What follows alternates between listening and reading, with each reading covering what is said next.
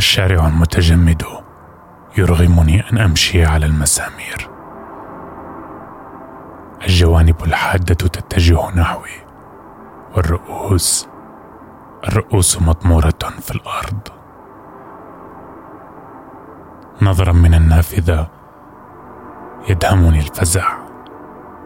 أبرم صفقة مع التلفاز فينمو بعض المذيعين في حلقي كالقراص. وبطبيعة الحال يبدأون في التحدث مثلي. مثلي العواطف على طرف اللسان وخلفية في علم اللغة. أترك كل ذلك خلفية في البيت وببساطة أخرج. الشارع المسمر ينحني مثل ظهر قطة ناعم وبعض الدفء داخله من يتذكرني؟ هل من الممكن هل من الممكن حقا مد يد خارج القبر؟